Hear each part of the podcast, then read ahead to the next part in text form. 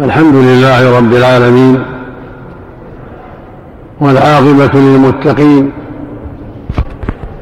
والصلاة والسلام على عبده ورسوله وخليله وصفوته من خلقه وأمينه على وحيه نبينا وإمامنا وسيدنا محمد بن عبد الله وعلى آله وأصحابه من سلك سبيله واهتدى بهداه إلى يوم الدين. أما بعد فإني أشكر الله عز وجل على ما من به من هذا اللقاء بإخوة في الله وأخوات في الله التواصي بالحق. والتناصح والتعاون على البر والتقوى في مسجد من مساجد الله التي هي أفضل البقاع والبلاد.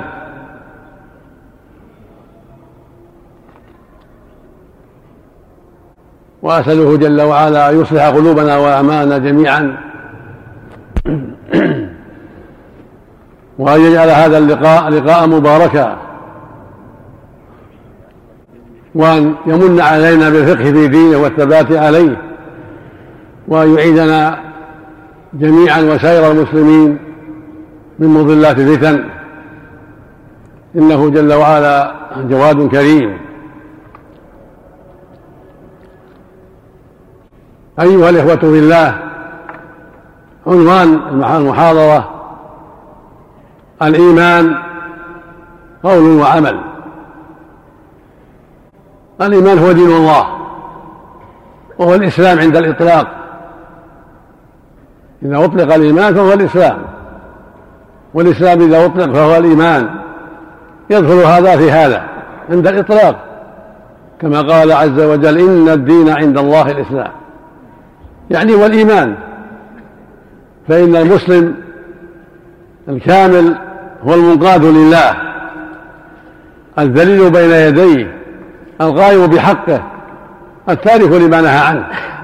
هذا هو المسلم حقا وهو المؤمن. وقال تعالى اليوم أكملت لكم دينكم وأتممت عليكم نعمتي ورضيت لكم الإسلام دينا. يدخل فيه الإيمان. قال عز وجل ومن يبتغي غير الإسلام دينا فلن يقبل منه وهو في الآخرة من الخاسرين. فسمي ديننا إسلاما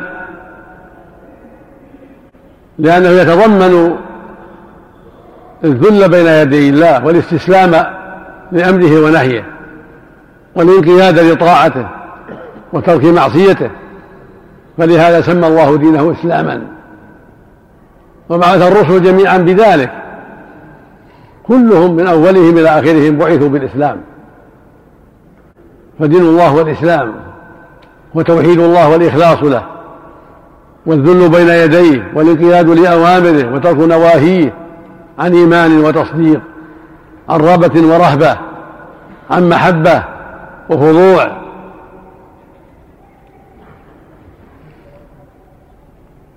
فمن لم يخضع لله ولم يصل له وجهه فهو متكبر. والله يقول جل وعلا إن الذين يستكبرون عن عبادتي سيدخلون جهنم داخلين ومن استسلم له ولغيره فقد أشرك به سبحانه وعبد معه سواه فيكون مشركا ظالما. قد تعدى حدود ربه وظلم نفسه. فلا بد من الإسلام لله وحده بالإخلاص له والإيمان به وتوحيده وطاعة أوامره وترك نواهيه والوقوف عند حدوده وهذا هو الإسلام وهو الإيمان.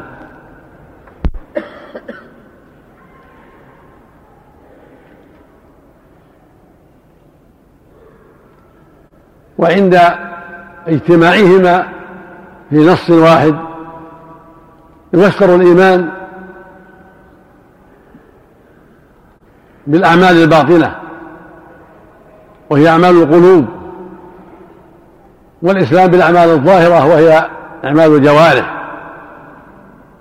كما في حديث سؤال جبرائيل عليه الصلاة والسلام للنبي الكريم عليه الصلاة والسلام لما سأله عن الإسلام والإيمان والإحسان أجابه النبي صلى الله عليه وسلم بأن الإسلام هو شهادة أن لا إله إلا الله وأن محمدا رسول الله وإقام الصلاة وإيتاء الزكاة وصوم رمضان وحج البيت. وهذه كلها من أعمال الظاهرة. المتضمنة للانقياد لله والذل بين يديه وطاعة أوامره سبحانه وتعالى. ثم قال لما سأل عن الإيمان قال أن تؤمن بالله وملائكته وكتبه ورسله واليوم الآخر وتؤمن بالقدر خيره وشره. فسر له الإيمان بالأعمال الباطنة المتعلقة في القلوب. وهذا عند اقترانهما واجتماعهما في نص.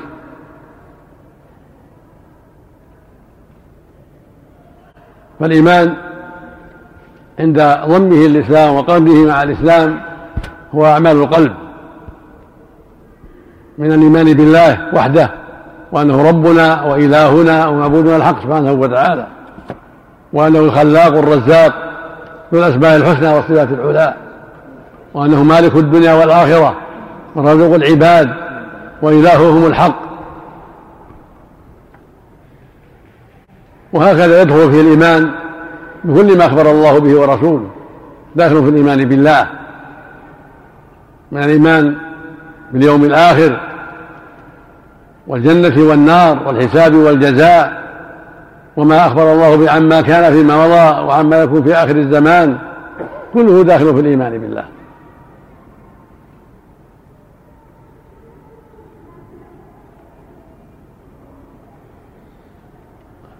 ثم ذكر الأصل الثاني الإيمان بالملائكة. والإيمان بهم داخل في الإيمان بالله. وهم عباده المكرمون. الذين قال فيهم سبحانه وتعالى بل عباد مكرمون لا يسبقونه بقول وهم بأمره يعملون. يعلم ما بين أيديهم وما خلفهم ولا يشفعون إلا لمن يرتضى وهم من خشيته مشفقون عليهم الصلاة والسلام. وقد خلقهم الله من النور خلقت الملائكة من النور وهم عباد لله مكرمون في طاعته وتنفيذ أوامره. منهم موكلون بالجنة ومنهم موكلون بالنار ومنهم الحافون بالعرش ومنهم حملة العرش ومنهم موكلون بغير ذلك ومن جملتهم موكلون بأعمالنا خيرها وشرها وهم الحفظة الذين قال فيهم سبحانه وإن عليكم لحافظين كراما كاتبين يعلمون ما تفعلون. فالإيمان بهم حق وهم عباد الله وهم من خواص عباده عليهم الصلاة والسلام. وهكذا الكتب وهو الأصل الثالث إيمان بكتب الله ونزل على أنبيائه ورسله. بل أنزل عليهم كتبا بين فيها شرعه وحقه كالتوراة والإنجيل والزبور والقرآن وهو أفضلها. القرآن أفضلها. وهكذا جميع الصحف المنزلة على الأنبياء. كلها داخلة في الكتب التي يجب الإيمان بها وأن الله أنزل كتبا على أنبيائه ورسله يبين فيها حقه ويدعو فيها عباده إلى طاعته واتباع شريعته. وهكذا الرسل الأصل الرابع الإيمان بالرسل وأن الله أرسل رسلا إلى الناس يدعونهم إلى توحيده والإخلاص له. ويأمرونهم بطاعته وينهونهم عن معصيته ويوضحون لهم شرائعه وما أمر به وما نهى عنه عليهم الصلاة والسلام. كما قال جل وعلا ولقد بعثنا في كل أمة رسولا أن يعبدوا الله واجتنبوا الطاغوت قال تعالى رسلا مبشرين ومنذرين لئلا يكون الناس على الله حجة بعد الرسل قال تعالى وما أرسلنا من قبلك من رسول إلا نوحي إليه أنه لا إله إلا أنا فاعبدون وأولهم نوح أرسله الله إلى أهل الأرض. بعدما وقع فيها الشرك أرسله, أرسله الله إليهم يدعوهم إلى توحيد الله. وينهاهم عن عبادة ما سواه. ثم تتبعت الرسل كهود وصالح وإبراهيم ولوط وشعيب ومن بعدهم من الرسل والأنبياء إلى أن ختمهم الله بمحمد عليه الصلاة والسلام. وهو خاتم الأنبياء وأفضلهم وإمامهم عليهم الصلاة والسلام جميعا. ومن جملتهم آدم فإنه نبي.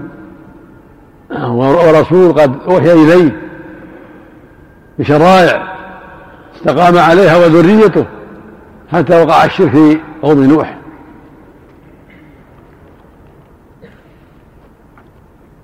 والخامس الإيمان باليوم الآخر. وكلها داخلة في الإيمان بالله ولكن الله بينها لرسوله صلى الله عليه وسلم ولعباده ليعلموها بالتفصيل. فالإيمان باليوم الآخر هو الإيمان بيوم القيامة وما فيه من الأهوال والحساب والجزاء. وهو الإيمان بالبعث بعد الموت. سمي اليوم الآخر لأنه بعد الدنيا. فاليوم الآخر هو يوم القيامة وليس بعده أيام. بل يوم مستمر. أهل الجنة في الجنة وأهل النار في النار. ليس بعد ذلك ليالي ونهار بل هو نهار دائم وانتهى أمر الليل والنهار بقيام القيامة. والناس يوم القيامة في نهار دائم وأهل النار في ظلمة دائمة وأهل الجنة في نور دائم.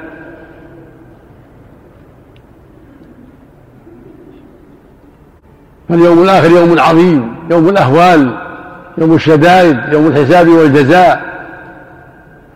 يوم تعطى فيه يعطى فيه الناس صحفهم إما بأيمانهم وهم السعداء وإما بشمائلهم ومن وراء ظهورهم وهم الأشقياء.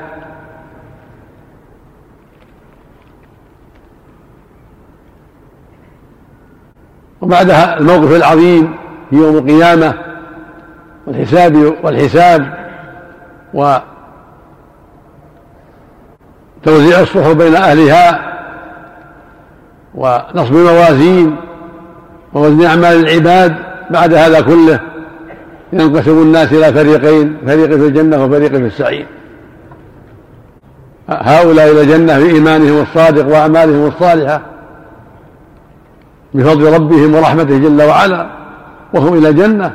وهؤلاء بعدله سبحانه فيهم بسبب أعمالهم الخبيثة. إلى النار نعوذ بالله من ذلك.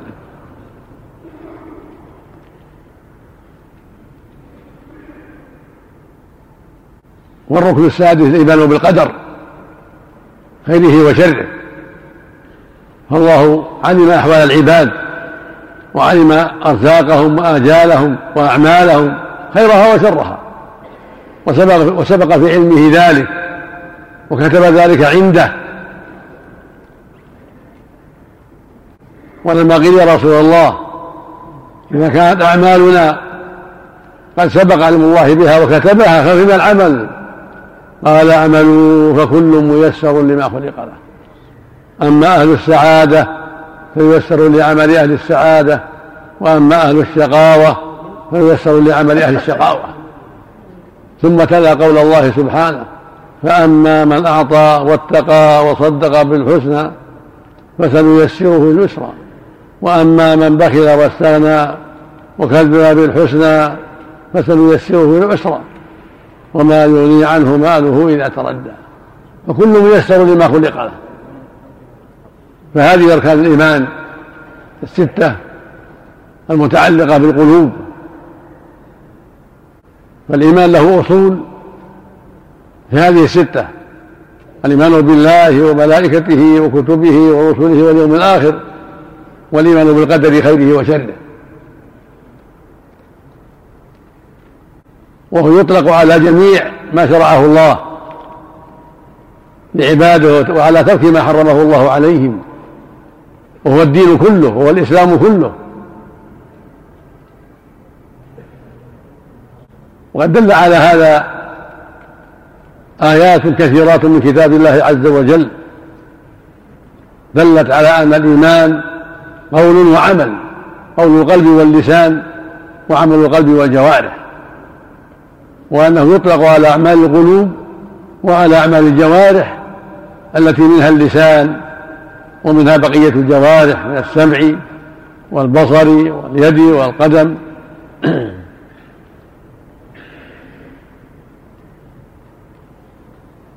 قال الله جل وعلا ليس البر أن تولوا وجوهكم قبل المشرق والمغرب ولكن البر من آمن بالله واليوم الآخر والملائكة والكتاب والنبيين وآتى المال على حبه ذوي القربى واليتامى والمساكين وابن السبيل والسائلين في الرقاب وأقام الصلاة وآتى الزكاة والموفون بعهدهم إذا عاهدوا. والصابرين البأساء والضراء وحين البأس أولئك الذين صدقوا وأولئك هم المتقون. فجعل هذا كله إيمان وكله تقوى وكله صدق. فعلم بذلك أن جميع أعمال العباد التي أمرهم الله بها وهكذا ترك ما حرم الله عليهم كله داخل في الإيمان. وذكر في أول الآية أصول الإيمان الخمسة ولكن البر من آمن بالله واليوم الآخر والملائكة والكتاب والنبي. هذه أصول الإيمان الخمسة وسادسها الإيمان بالقدر قد جاءت به نصوص أخرى من الكتاب العزيز والسنة المطهرة. بينه الرسول صلى الله عليه وسلم في حديثه مع جبرائيل عليه الصلاة والسلام. ومن ذلك قوله جل وعلا إنا كل شيء خلقناه بقدر. وقوله سبحانه ما أصاب مصيبة في الأرض ولا في أنفسهم إلا في كتاب من قبل أن نبرأها. إن ذلك على الله يسير.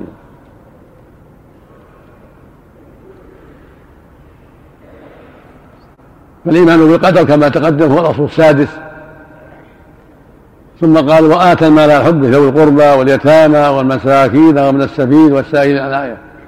هذا فيه العمل والصدقة على القربى والمساكين وعلى غيرهم وعلى السائلين كله من الإيمان. وهكذا صدقة في الرقاب عتق الرقاب ابتغاء وجه الله كله داخل في الإيمان. هكذا إقام الصلاة وإيتاء الزكاة من الإيمان. وهكذا الوفاء بالعهود من الإيمان. وهكذا الصبر في البأساء والضراء يعني في الشدة والرخاء وحين البأس يعني حين الحرب كل ذلك داخل في الإيمان.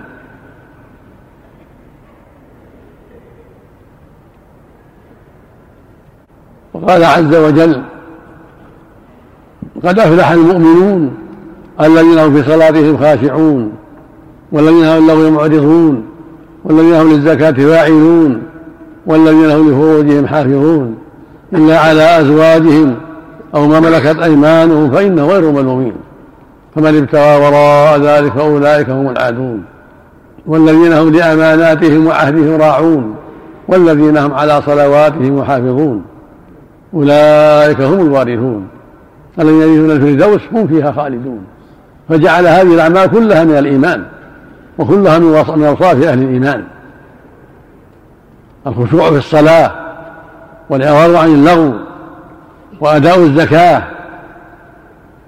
وحفظ الفروج وأداء الأمانة والمحافظة على الصلوات كل ذلك داخل في الإيمان.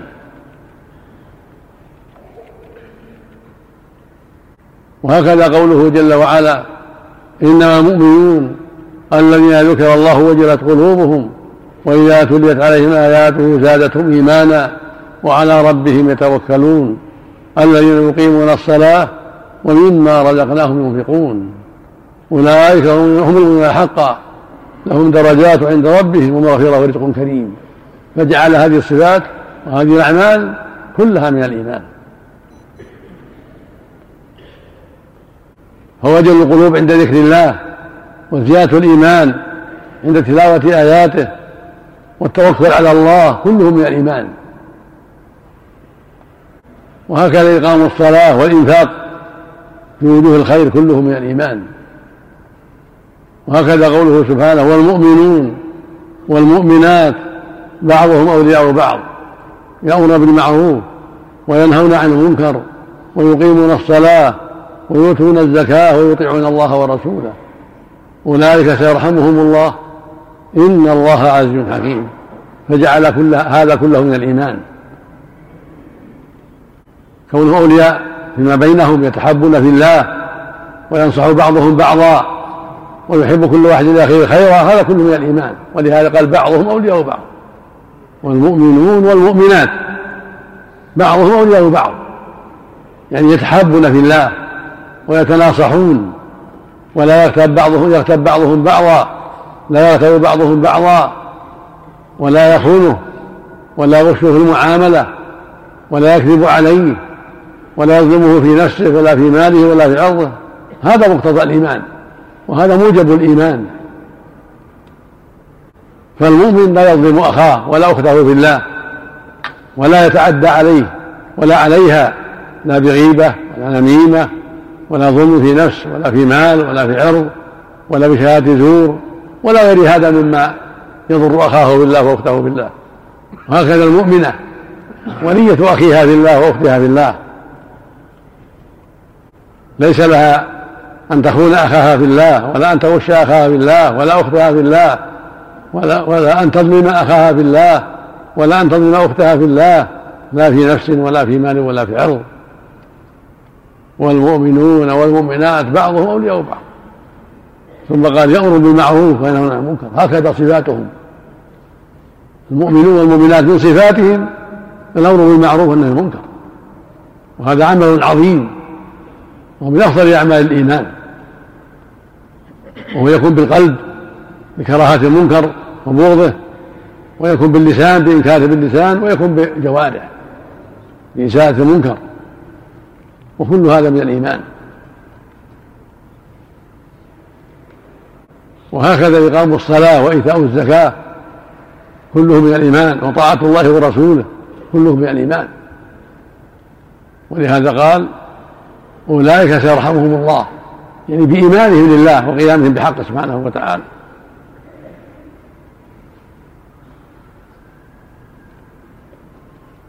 الله يقول جل وعلا يا أيها الذين آمنوا آمنوا بالله ورسوله والكتاب الذي نزل على رسوله والكتاب الذي أنزل من قبل. ثم قال ومن يكفر بالله وملائكته وكتبه ورسله واليوم الآخر فقد ضل ضلالا بعيدا. فلا بد من الإيمان بالله وملائكته وكتبه ورسله واليوم الآخر وبالقدر خيره وشره. قال عز وجل فآمنوا بالله ورسوله والنور الذي أنزلنا. والنور الذي أنزله الله وشرعه الذي أنزله على النبي صلى الله عليه وسلم. والنور ما شرعه الله لعباده من توحيده وطاعة أوامره وترك نواهيه هو النور المنزل على نبيه محمد عليه الصلاة والسلام.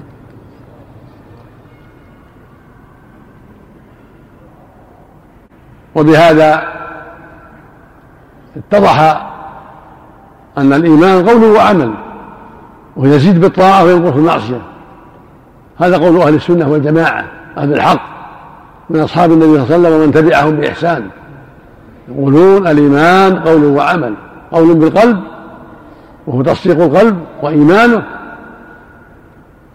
وقول باللسان وهو تصديق اللسان ونطقه وعمل القلب بمحبة الله وخوفه ورجائه والإخلاص له وترك ما حرم من الكبر والخيلاء والحسد وغير ذلك من أعمال القلوب وعمل بالجوارح من إقام الصلاة وإعطاء الزكاة والجهاد في سبيل الله وأداء الحج والصوم وغير ذلك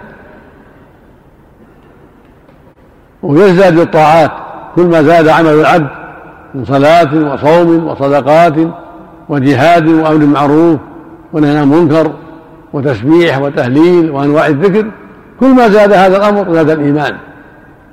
وكل ما نقص نقص الإيمان. فالمعاصي تنقص الإيمان وتضعف الإيمان والطاعة تزيد الإيمان وتقويه.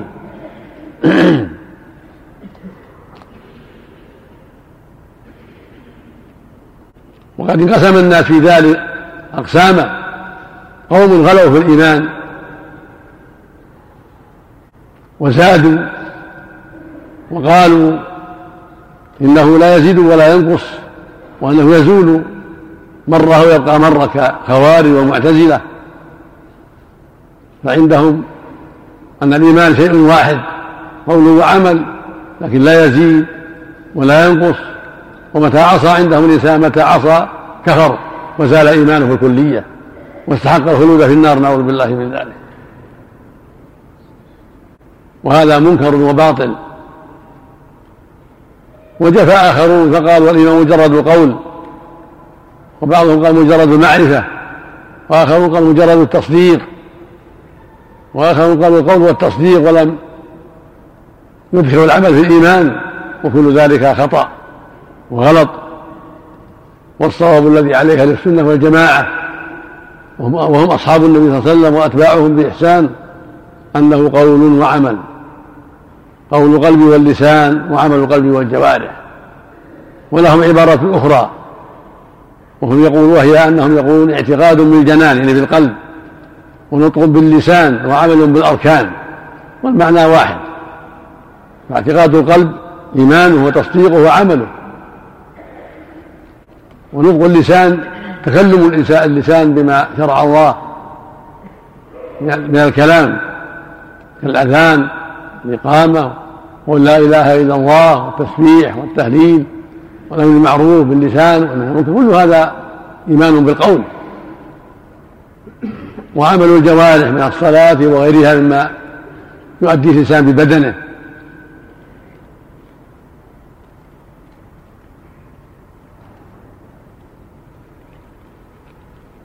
فالإيمان الشرعي قول وعمل قول القلب واللسان وعمل القلب والجوارح وهو اعتقاد القلب ونطق اللسان وعمل الجوارح. يزيد بالطاعة وينقص بالمعصية من وحد الله وآمن به سبحانه وتعالى فهو موعود بالجنة والنجاة من النار وإن كان له ذنوب وسيئات.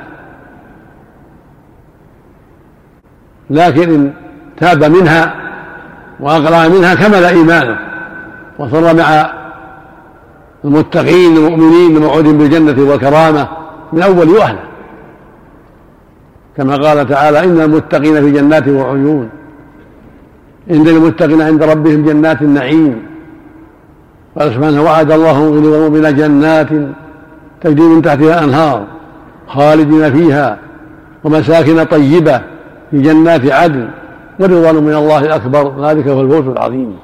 هذا جزاء المتقين والمؤمنين الذين استقاموا على دين الله وأدوا حقه وتركوا معصيته.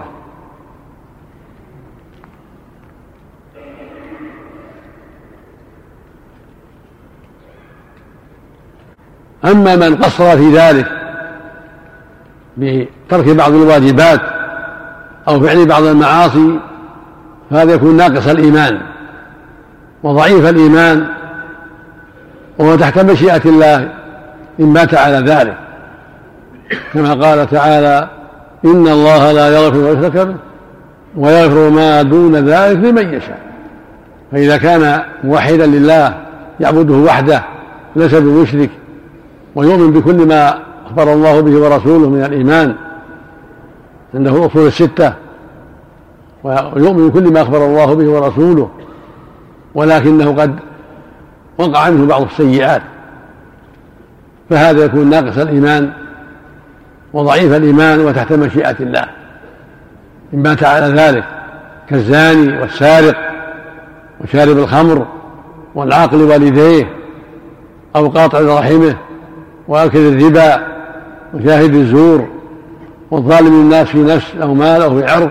وأشباههم. هؤلاء لإيمانهم ضعيف وإيمانهم ناقص. وإذا ماتوا على هذه الحال فليسوا كفارا عند أهل السنة والجماعة وليسوا مخلدين في النار يعني كما تقول الخوارج المعتزلة. لا بل تحت مشيئة الله. إن شاء سبحانه غفر لهم وعافى عنهم وإن شاء أدخلهم النار بهذه المعاصي التي ماتوا عليها. وبعدما يطهرون في النار ويمضي عليهم ما حكم الله عليهم به يخرجهم الله من النار إلى نهر يقال نهر الحياة وينبتون فيه كما تنبت الحبة في حمل السيل. فإذا تم خلقهم أدخلهم الله الجنة فضلا منه وإحسانا سبحانه وتعالى. وقد تواترت بذلك الأحاديث الصحيحة والأخبار عن رسول الله صلى الله عليه وسلم أن كثيرا من الناس يدخلون النار بمعاصيهم ثم يخرجون منها بفضل الله جل وعلا لأنهم ماتوا على التوحيد والإيمان بالله ورسوله لم يشركوا بالله شيئا. فلهذا يخرجهم الله من النار رحمة منه وإحسانا جل وعلا. بعضهم بشفاعة الشفعاء بشفاعة نبينا محمد صلى الله عليه وسلم وبشفاعة الملائكة والمؤمنين والأفراط يشفعون في من دخل النار من المؤمنين الذين ضعف إيمانهم بالمعاصي. فيخرجهم الله من النار رحمة منه جل وعلا إذا مضت المدة التي كتب الله عليهم مكثهم فيها في النار. ويبقى في النار قوم لم تشملهم الشفاعة فيخرجهم الله برحمته سبحانه وتعالى فضلا منه جل وعلا من أهل التوحيد الذين ماتوا على بعض السيئات والمعاصي. ولا يبقى في النار إلا الكفار يخلدون فيها أبد الآباد نعوذ بالله من ذلك. كما قال تعالى في حق الكفرة كذلك يريهم الله أعمالهم حسرات عليهم وما هم بخارجين من النار. ولا بحقهم يريدون أن يخرجوا من النار وما هم بخارجين منها ولهم عذاب مقيم نعوذ بالله. أما العصاة فلا يخلدون وإن كان بعضهم قد يطول تطول مدته ويسمى خلودا كما قال في حق القاتل والزاني والمشرك ويخلد فيه مهانا. في قوله تعالى ولن يدعون مع الله إلها آخر ولا يقتلون التي حرم الله إلا بالحق ولا يزنون. ثم قال ومن يفعل ذلك يلقى أثاما. يضاعف له العذاب يوم القيامة ويخلد فيه مهانا. فجعل عذابهم خلودا. لكنه خلود غير خلود الكفار. خلود المشرك خلود لا ينتهي نعوذ بالله بل هو أبد الآباد. وخلود العاصي له أمد ينتهي إليه كالزاني والقاتل الذي لم يستحل الزنا ولم يستحل القتل. هؤلاء لهم أبد ينتهون إليه. فيخرجهم الله بعد ذلك. لكن من استحل الزنا؟ أو الخمر؟ أو العقول؟ صار مع الكافرين نعوذ بالله. إذا استحله وفعله على أنه حلال. له صار في جملة الكافرين نعوذ بالله.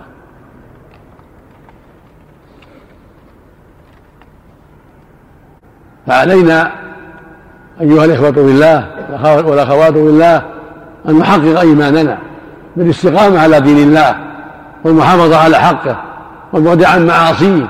وهذا هو طريق الجنة والسلامة وطريق الفوز بالسعادة من أول وآخر فمن مات على فعل ما أوجب الله عليه وترك ما حرم الله عليه والتوبة مما قصر فيه من مات على هذا دخل الجنة من أول وحده وسلم من النار. وصار إلى منازل العالية في دار النعيم.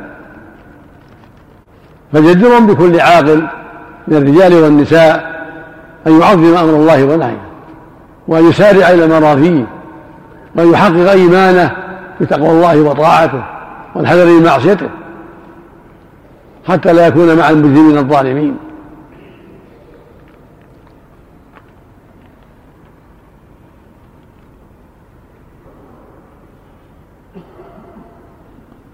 واختلف العلماء في أمر الصلاة الذين في أمر الصلاة التي لم يترك إذا كان لم يتركها جحدا لوجوبها بل تركها تساهلا وتكاسلا. هل هل هو كالزاني والسارق؟ لا يخلد في النار أبد الآباد ولا يكون كافرا. أم هو كالمشرك الذي عبد مع الله غيره واستحل ما حرم؟ على قول أهل العلم. من أهل العلم من قال إنهم كالزناة لا يخلدون في النار بل يعذبون فيها ما شاء الله ثم يخرجهم الله منها إذا كانوا لم يجحدوا وجوبها ولكن تركوها أو تركوا بعضها تكاسلا.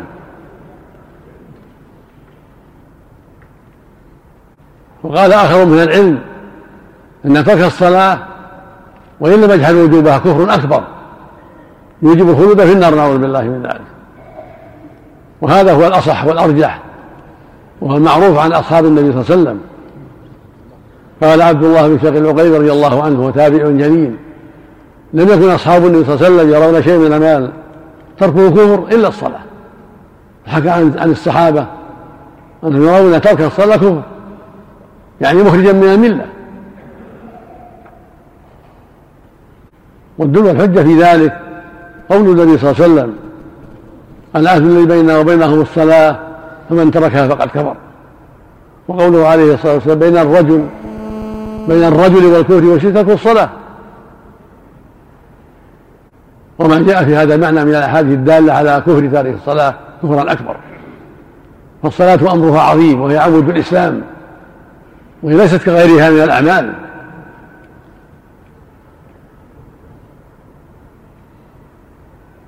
فمن حفظها حفظ دينه ومن ضيعها فهو لما سواها أضيع. وأرجح قولي العلماء أن من تركها يعتبر كافرا كفرا أكبر مرتدا عن الإسلام وإن لم يجحد وجوبها للاحاديث الوارده في ذلك كما سمعت. ولقوله صلى الله عليه وسلم لما ذكر الصلاة يوما قال من حافظ عليها كانت له نورا وبرهانا ونجاة يوم القيامة.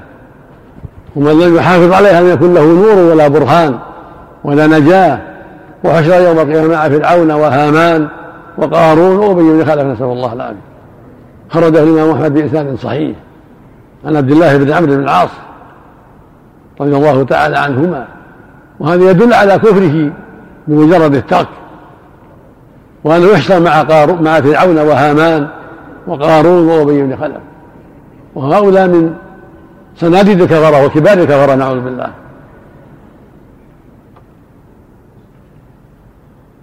قال بعض أهل العلم إنه يحشر معهم لمن ضيع الصلاة يحشر مع هؤلاء لأنه إذا ضيعها من أجل الرياسة أشبه فرعون فيحشر معه يوم القيامة أو إلى النار نعوذ بالله من ذلك. وإن ضيعها بأسباب الوزارة والوظيفة شابه هامان وإذا فرعون فيحشر معه إلى النار يوم القيامة. وإن ضيعها بأسباب المال والشهوات شابه قارون الذي أعطاه الله المال الكثير فتكبر وبغى واستكبر عن اتباع موسى عليه الصلاة والسلام. فصار إلى النار نعوذ بالله من ذلك. فمن ضيع الصلاة من أجل المال شابه قارون فيحشر معه إلى النار يوم القيامة. ومن ضيعها بأسباب البيع والشراء والتجارة أشبه أبي بن خلف تاجر أهل مكة الذي قتل يوم أحد. فيحشر معه يوم القيامة نعوذ بالله من ذلك. فالواجب الحذر والواجب المحافظة على الصلوات في أوقاتها. يجب على الرجل والمرأة يجب على كل مسلم ومسلمة العناية بالصلاة. والمحافظة عليها في أوقاتها في عمود الإسلام. ويعظم أركان الإسلام بعد الشهادتين. من حفظها حفظ دينه ومن ضيعها ضيع دينه نعوذ بالله من ذلك. فالواجب العناية بها من جهة الطهارة ومن جهة بقية شرائطها ومن جهة أدائها في الوقت ومن جهة الخشوع فيها ومن جهة المواظبة عليها وعدم تركها بكلية بل يواظب عليها ويحفظها دائما كما قال عز وجل حافظوا على الصلوات والصلاة الوسطى قال تعالى وأقيموا الصلاة وآتوا الزكاة واركعوا مع الراكعين وقال وأقيموا الصلاة إن الصلاة تنهى عن الفحشاء والمنكر وهكذا يجب على كل مؤمن ومؤمنة أن يكمل إيمانه ويكمل إسلامه بترك المعاصي كلها والحذر منها كلها. فأنت يا أخي على خطر. لا تدري متى يهجم الأجل عليك صباحا أو مساء. ولا تدري ماذا بقي من حياتك أيام أو شهور أو سنون ما تدري. فالواجب الالتزام بطاعة الله والحذر من محارم الله. لئلا يهجم عليك الأجل وأنت على غرة ولأن في المعاصي ما يسبب بعدك عن الله ويسبب قسوة قلبك ويسبب استمرارك في البعد عن الله وعن طاعته سبحانه وتعالى. فالواجب الودار بالتوبة من سائر المعاصي والواجب لزوم ما أوجب الله عليك وترك ما حرم الله عليك بصدق وإخلاص ورغبة فيما عند الله عز وجل. وهكذا يكون الإيمان كاملا. يكمل الإيمان بهذه الأمور. يكمل إيمانك بطاعة الله ورسوله والاستقامة على دين الله.